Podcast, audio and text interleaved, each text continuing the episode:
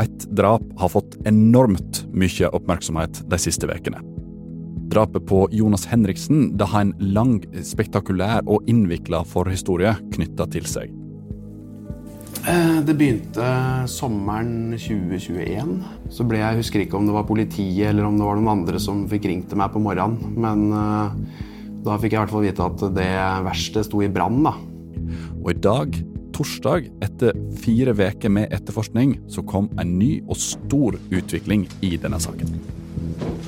Politiet har i dag pågrepet en 28 år gammel mann, og han er siktet for drapet på Jonas Aarseth Henriksen.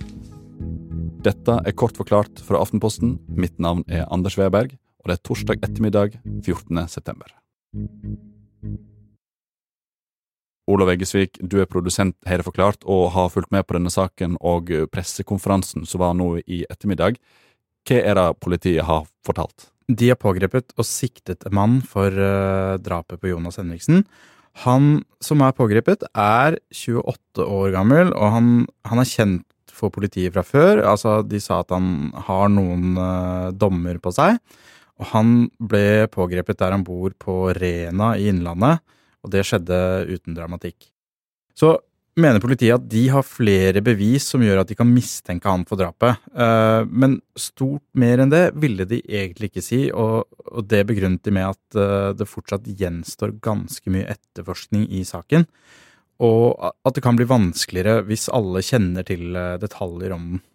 Det er som sagt en mye omtalt sak, dette her. Kan du kort oppsummere hva dette handler om? 17. august så ble Henriksen funnet død i bilen sin ved en hytte i Nes. Det ligger litt nord for Hønefoss, på grensen til Innlandet.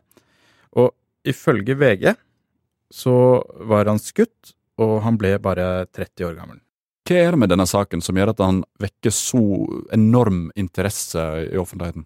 Jonas Henriksen var ganske kjent i, i lastebilmiljøet. Man kan jo si at han, han egentlig var en lastebilinfluenser. Han hadde 50 000 følgere på TikTok, og han nådde jo ut til veldig mange flere enn det med videoen og innholdet han lagde. Så i noen miljøer så var han en ganske offentlig person.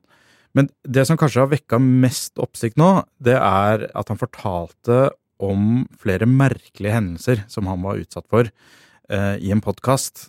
Og den var han med i bare noen dager før han ble funnet drept.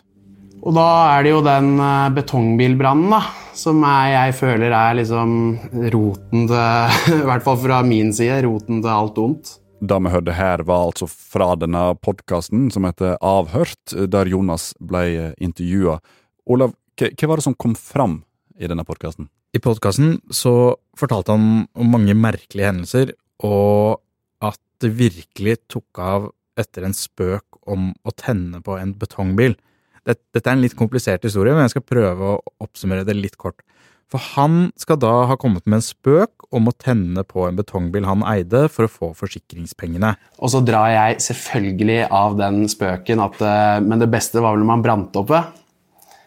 Eh, hvorpå han da svarer meg med Ja, mye får jeg for det, ja. Og jeg trodde jo selvfølgelig han spøker, ikke sant?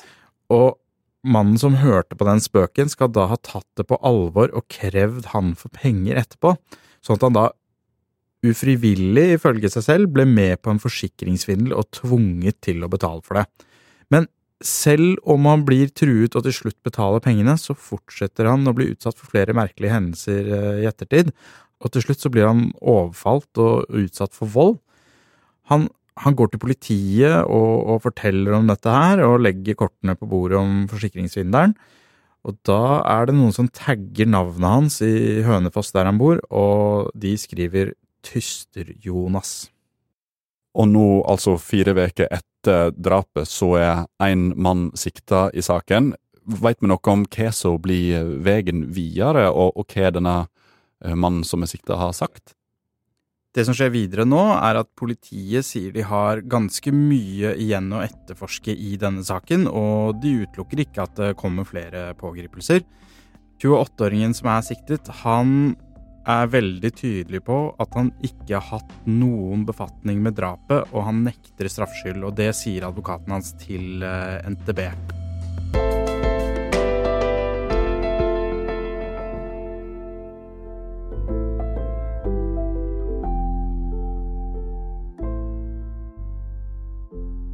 Du har hørt Kort forklart fra Aftenposten. Mitt navn er Anders Weberg, og det var Olav Eggesvik som forklarte saken. Resten av Forklart det er David Vekoni, Jenny Førland og Synne Søhol. Du har hørt lyd fra VGTV og podkasten Avhørt.